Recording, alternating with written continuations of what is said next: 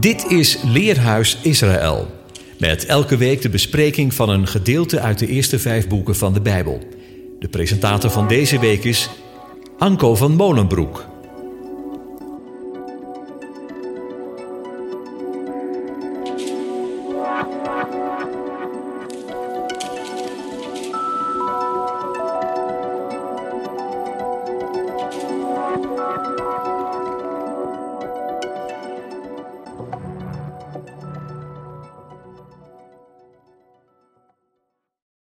Beste luisteraar, in het midden van Sukkot, het Loofhuttenfeest, openen we op deze gewone Shabbat de Torah. Als naar gewoonte. Deze Shabbat wordt Gol HaMoed genoemd. Gol wil zeggen gewoon, profaan, algemeen. Gol staat tegenover afgezonderd, geheiligd. Alles staat tegenover het ene. Is deze Shabbat dan niet geheiligd? Jawel, een profane Shabbat zou een innerlijke tegenstrijdigheid zijn. Alleen het is de Shabbat die valt te midden van de gewone dagen van het feest. Want het Loofhuttenfeest begint en eindigt met een Shabbat, een hoogtijdag. In Leviticus 23 lezen we, en vanaf de vijftiende dag van de zevende maand, wanneer u de opbrengst van het land ingezameld hebt, moet u het feest van de aanwezige zeven dagen vieren. Op de eerste dag is het rustdag en op de achtste dag is het rustdag. En letterlijk staat er dan Shabbat. Het woordje gol bestaat uit de letters get, waf, lamet. Er zitten zes dagen tussen de eerste en de achtste dag van het feest. Zoals in het woordje gol ook een waf, de zes, is verwerkt. Het is de haak die het hek en de prikstok verbindt. Want de get verbeeldt het hek. Dat ziet op binnen en buiten er doorheen gaan, een nieuwe fase ingaan. De waf is de haak of de verbinding en de lamet is de prikstok wat ziet op onderwijzen, op het juk, op onderweg zijn. Dus wat is het gewone? Dat is door het hek gaan, dat is onderweg gaan, een nieuwe fase ingaan, zoals wij allemaal onderweg zijn. Op weg. En onderweg worden we onderwezen. En op de Shabbat rusten wij. De gewone dagen van het feest. En toch is er één van die gewone dagen een rustdag, een Shabbat. En op deze Shabbat Gol HaMoed lezen we Exodus 33 vers 12 tot 34 vers 26.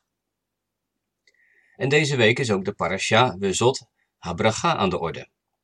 En dit is de zegen. En we beginnen dan te lezen in Deuteronomium 33 vers 1 tot aan het einde van het boek, het einde van de Torah. Na de zegen over de stammen van Israël volgt de dood van Mozes op de berg Nebo. En u weet dat we na het uitlezen van de Torah direct weer opnieuw beginnen. En nu is het een boeiende vraag of er een thematisch verband is tussen Exodus 33 en Deuteronomium 33, 34. In Exodus 33 stelt Mozes de bekende vraag: Toon mij uw heerlijkheid. En hij ziet de achterste delen van de eeuwige onder het uitspreken van de naam. En waar begint Mozes zijn zegeningen mee? Dat de eeuwige verschenen is heeft zich laten zien. En wat laat de eeuwige aan Mozes zien? Het ganse land, van begin tot eind, van voor tot achter. En luisteraar, dat is het thema voor dit leerhuis. Toon mij uw heerlijkheid. En we zien dat allereerst in de genade van God. Daarna zien we dat in de wet van God. En tenslotte in het land van de eeuwige.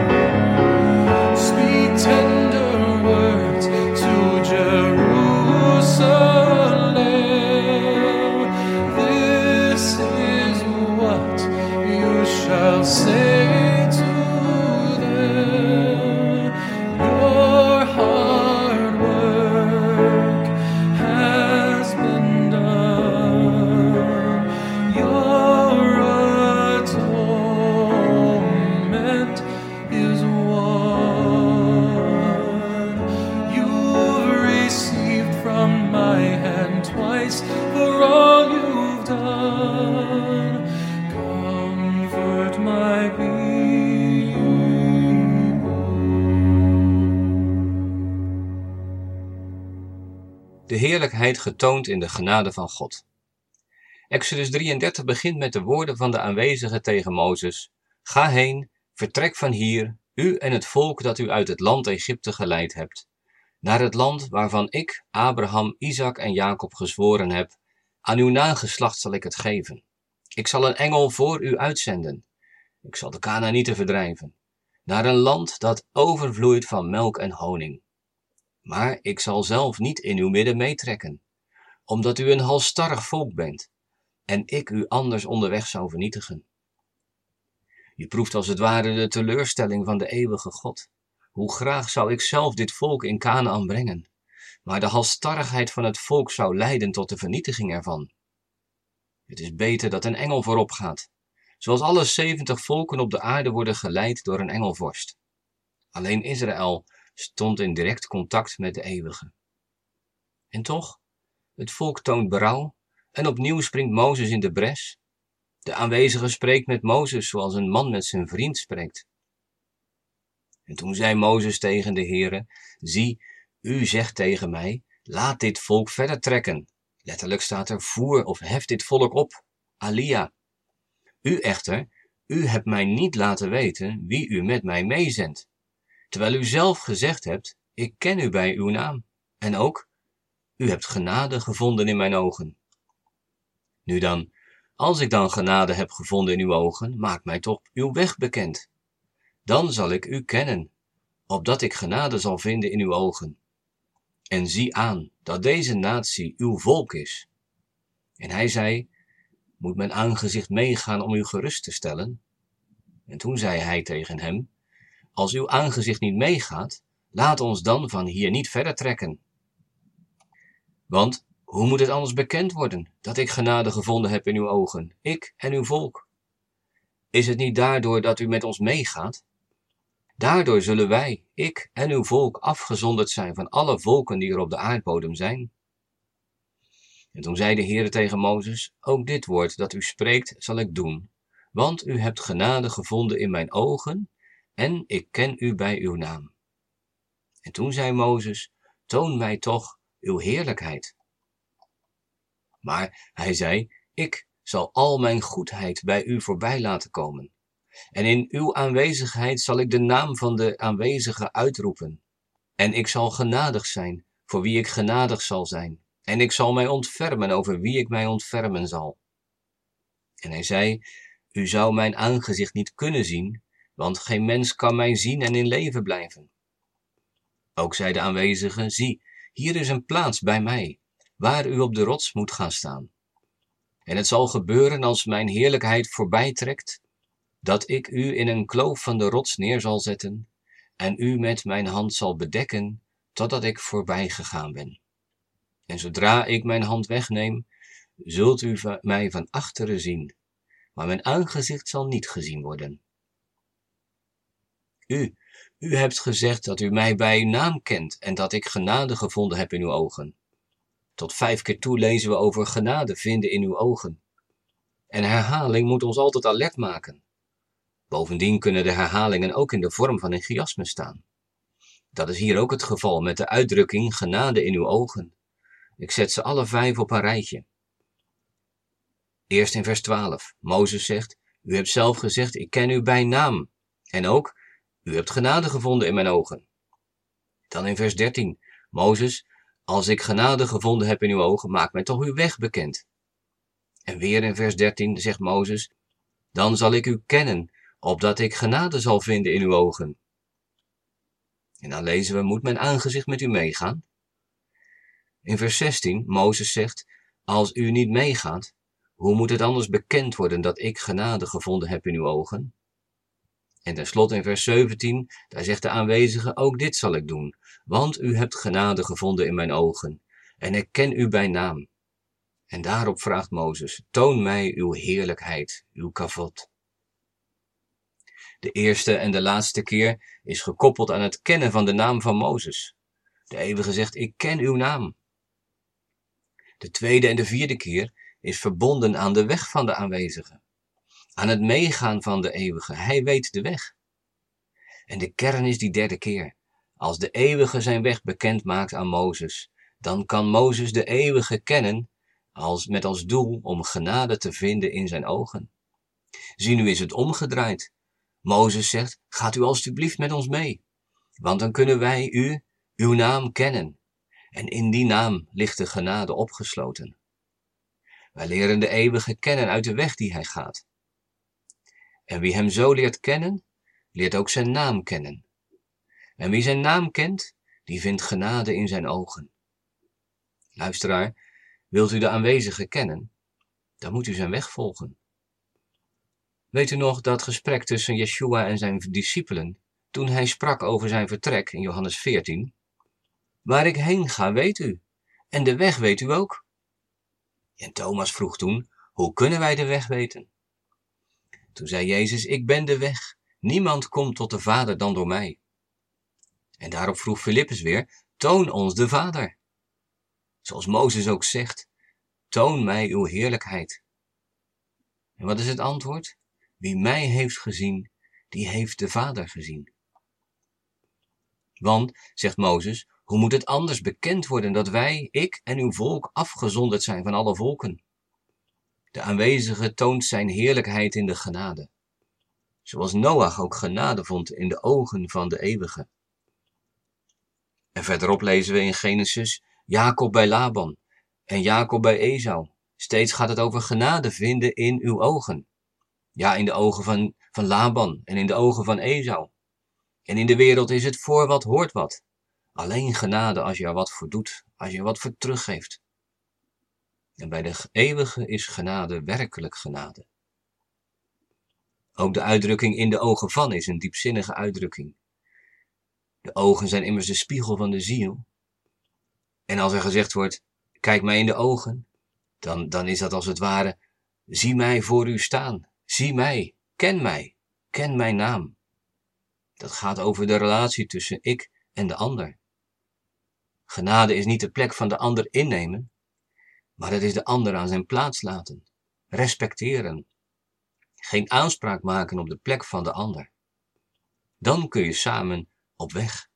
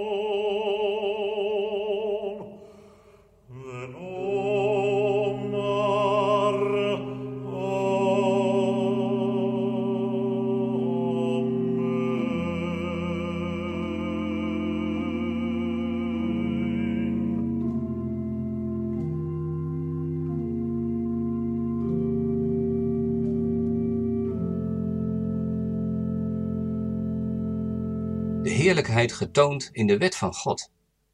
De weg weet u. En dan lezen we in Exodus 34. Toen zei de Heere tegen Mozes, hou twee stenen tafelen voor u uit, zoals de eerste. Dan zal ik op die tafelen de woorden schrijven die op de eerste tafelen stonden, die u in stukken hebt gebroken. Wees tegen de morgen gereed. En vervolgens moet u in de morgen de berg Sinaï opklimmen en daar op de top van de berg gaan staan. Maar niemand mag met u mee naar boven klimmen, en ook mag op heel de berg niemand gezien worden. Het kleinvee en de runderen mogen zelfs niet tegenover de berg grazen. En toen hieuw Mozes twee stenen tafelen uit, zoals de eerste. En Mozes stond vroeg in de morgen op, klom de berg Sinaï op, zoals de Heere hem geboden had, en hij nam de twee stenen tafelen in zijn hand. Toen daalde de Heere neer in een wolk, ging daar bij hem staan riep de naam van de Heere uit. En toen de Heere bij hem voorbijgaan, riep hij, Heere, Heere, God barmhartig en genadig, geduldig en rijk aan goede tierenheid en trouw. Die goede tierenheid bewijst aan duizenden, die ongerechtigheid, overtreding en zonde vergeeft, maar die de schuldige zeker niet voor onschuldig houdt, en de ongerechtigheid van de vaders vergeldt aan de kinderen en kleinkinderen, tot in het derde en vierde geslacht. Toen haastte Mozes zich, knielde ter aarde en boog zich neer. En hij zei, als ik nu genade in uw ogen gevonden heb, laat de Heere dan toch in ons midden meegaan. Zeker, het is een halstarrig volk, maar vergeef onze ongerechtigheid en onze zonde en neem ons aan als uw erfelijk bezit. Mozes klimt de berg Sinaï op. Hij maakt Alia. En de eeuwige daalt af, Jeret. En daar roept Hashem zijn naam uit. Adonai, Adonai, El, Rachum, Ganan, Arech Rafim, dat wil zeggen traag tot toren. Raf gezet, rijk aan goedheid. Emmet, trouw, waarheid. En dan aan het einde antwoordt Mozes met gebogen hoofd opnieuw. Als ik nu genade in uw ogen gevonden heb, wilt u dan met ons meegaan? Opnieuw is de genade verbonden aan de naam en aan de weg. En de aanwezige vernieuwt het verbond en geeft Mozes opnieuw twee stenen tafelen met de tien woorden mee. Zie, dat is het heden van genade. Dat is de heerlijkheid in de wet, in de tien woorden. Die wet is de leefregel, de routekaart, de wegwijzer. Dat woord is de waarheid, zoals Yeshua ook zegt, ik ben de weg en de waarheid. Bij Noach lezen we voor het eerst over genade, gein. Noach en gein zijn dezelfde letters, noen en get, de vijftig en de acht. Beide laten zien, we beginnen opnieuw. In de achtste dag van het Loofhuttenfeest geeft dat ook aan, een nieuw begin. En vijftig volgt op zeven keer zeven. Weet je nog wat er gebeurde na die 49? Toen de zeven keer zeven vol was? Daar komen we bij de wetgeving op de Sinaï. God geeft Mozes de tien woorden. En in het Tweede Testament komt daar de uitstorting van de Heilige Geest bij. Een nieuw begin kan alleen als het oude voorbij is, afgerond is. En zo is ook Mozes in Parasha Bezot Habracha aan het einde gekomen. Aan het einde van de woestijnreis. Het einde van zijn leven. Het einde van die 120 jaar. Ja, zoals ook in zijn dagen van Noach de 120 werd volgemaakt. De dagen van Noach, de dagen van de 58. Een nieuwe tijd breekt aan, onder leiding van Jozua, de zoon van Noen, de zoon van de 50. Dan zal het volk het beloofde land intrekken. Mozes, de man van de Torah, eindigt ook met de wet. En zo begint Mozes zijn zegeningen voor de stammen Israëls op een bijzondere wijze. We lezen in Deuteronomium 33. Dit is de zegen waarmee Mozes, de man Gods, de zonen van Israël heeft gezegend, in het aanschijn van zijn dood. Hij zegt, de ene is gekomen van de Sinaï, en voor hen gaan stralen van de Seir. En hij is in glans verschenen van de berg Paran, en naar voren geschreden uit menigten van heiligen. In zijn rechterhand voor hen het vuur van een bevel, een decreet. Ja, hij heeft een manschappen lief, al zijn heiligen, ze zijn in uw hand, de anderen liggen neergeworpen voor je voeten. En men draagt lasten vanwege uw woorden. Het onderricht gebood ons Mozes, het erfgoed van de vergadering van Jacob. Er kwam in Jeshurun een koning, toen zich verzamelden de hoofden van de gemeente, zich verenigden de stamstaven van Israël. Mozes herinnert aan het verschijnen van de aanwezigen aan de Sinaï. En niet alleen daar, ook Seir en Paran worden genoemd. En dit is wat de overlevering daarvan zegt. God komt in stralen van de Seir, in glans van de berg Paran, en met vuur op de Sinaï. Toen het volk Israël zich plaatste aan de voet van de Sinaï, benaderde de eeuwige hen als een bruidegom, die zijn bruid tegemoet gaat, zegt de overlevering. Maar eerst richtte God zich tot de zonen van Esau in het Seirgebergte. Hij bood hen zijn Torah aan. Zij weigerden, want hun voorvader had de zegen gekregen dat hij van zijn zwaard zou leven. En in de wet staat, u zult niet doden. Ook de afstammelingen van Lot, Moab en Ammon weigerden het aanbod van de Torah. Zij vroegen, wat staat er in de Torah? God zei, je mag geen ontucht plegen. En daarop antwoordden zij dat dit juist hun afkomst was. De Torah is niets voor ons. En toen bood hij zijn onderwijs aan de nakomelingen van Ismaël aan bij de berg Paran. Ook zij vroegen wat staat erin. U zult niet stelen. De Ismaëlieten antwoordden, die wet is niet voor ons. Alleen het volk Israël stelde geen vragen. Zij zeiden, we zullen alles doen en het later wel begrijpen. Zie, dat is de heerlijkheid getoond in de Torah. Want in de woestijn van het leven hebben we richting nodig, hebben we waarheid nodig. De letter die de zeven telt is de zijn. Dat betekent zwaard of wapenstok. Het is het symbool van orde en discipline. Is het niet zo dat de tien woorden het leven in de woestijn, in het gewone leven een zegen zijn? Doe dat en leef. En ja, wat is de samenvatting van de wet? Heb God lief boven alles en je naaste als jezelf. Liefde verdrijft de vrees. Liefde is het enige wat bijdraagt aan het opbouwen van deze wereld. Luisteraar, zo zien we Gods genade schitteren in Yeshua, de weg, de waarheid.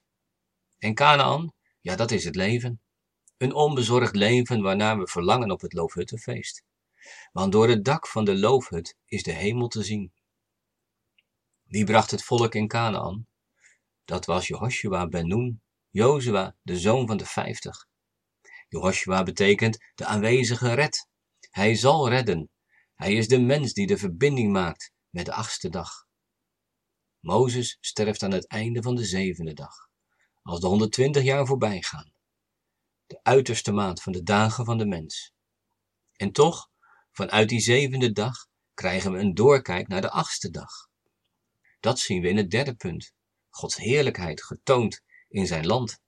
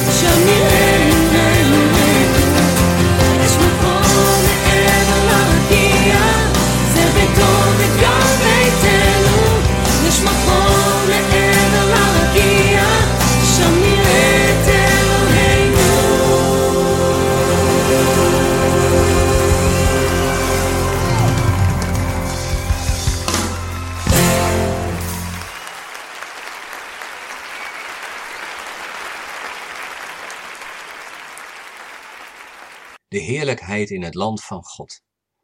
Lees maar weer mee in Deuteronomium 34. Toen beklom Mozes vanuit de vlakte van Moab de berg Nebo, de top van de Pisga, die recht tegenover Jericho ligt. En de aanwezige liet hem heel het land zien, van Gilead tot Dan, heel Naphtali, het land van Ephraim en Manasse, heel het land van Juda tot aan de zee in het westen, het zuiderland, de vlakte van de vallei van Jericho, de palmstad tot aan Zoar.